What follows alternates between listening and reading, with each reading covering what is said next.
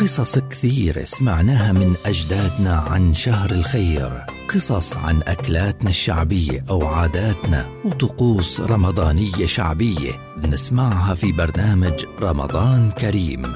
رمضان كريم برنامج رمضاني يصحبنا فيه الحكوات حمز العقرباوي خلال شهر رمضان في مثل هذا الموعد عبر أجيال.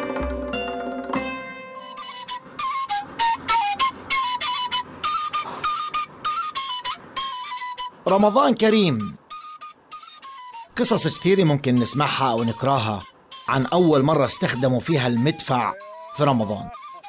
وسواء طلعت الطلقة بالخطأ لحظة الإفطار فالناس عجبتهم الشغلة والسلطان أقرها لأنه المدفع أقوى في تنبيههم من أي صوت أو أي من القصص الثانية.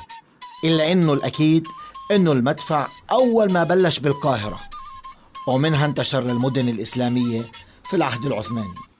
ولليوم مش ممكن نتخيل رمضان بالمسجد الأقصى من غير صوت المدفع. بس في الأرياف ما كان في مدفع. كان في بواريد الجفت.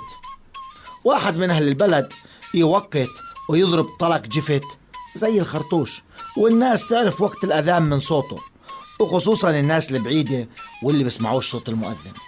صلوا على النبي يا جماعة الخير.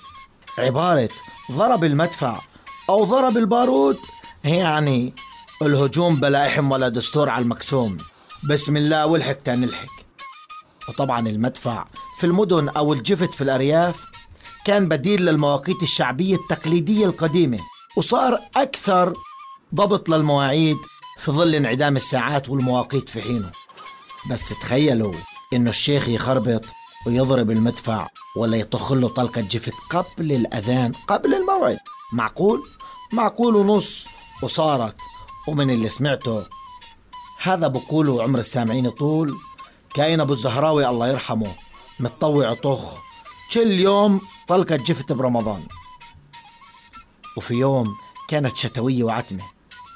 وهو يجهز في البارودة بده يطخ طلع منها طلق بالغلط.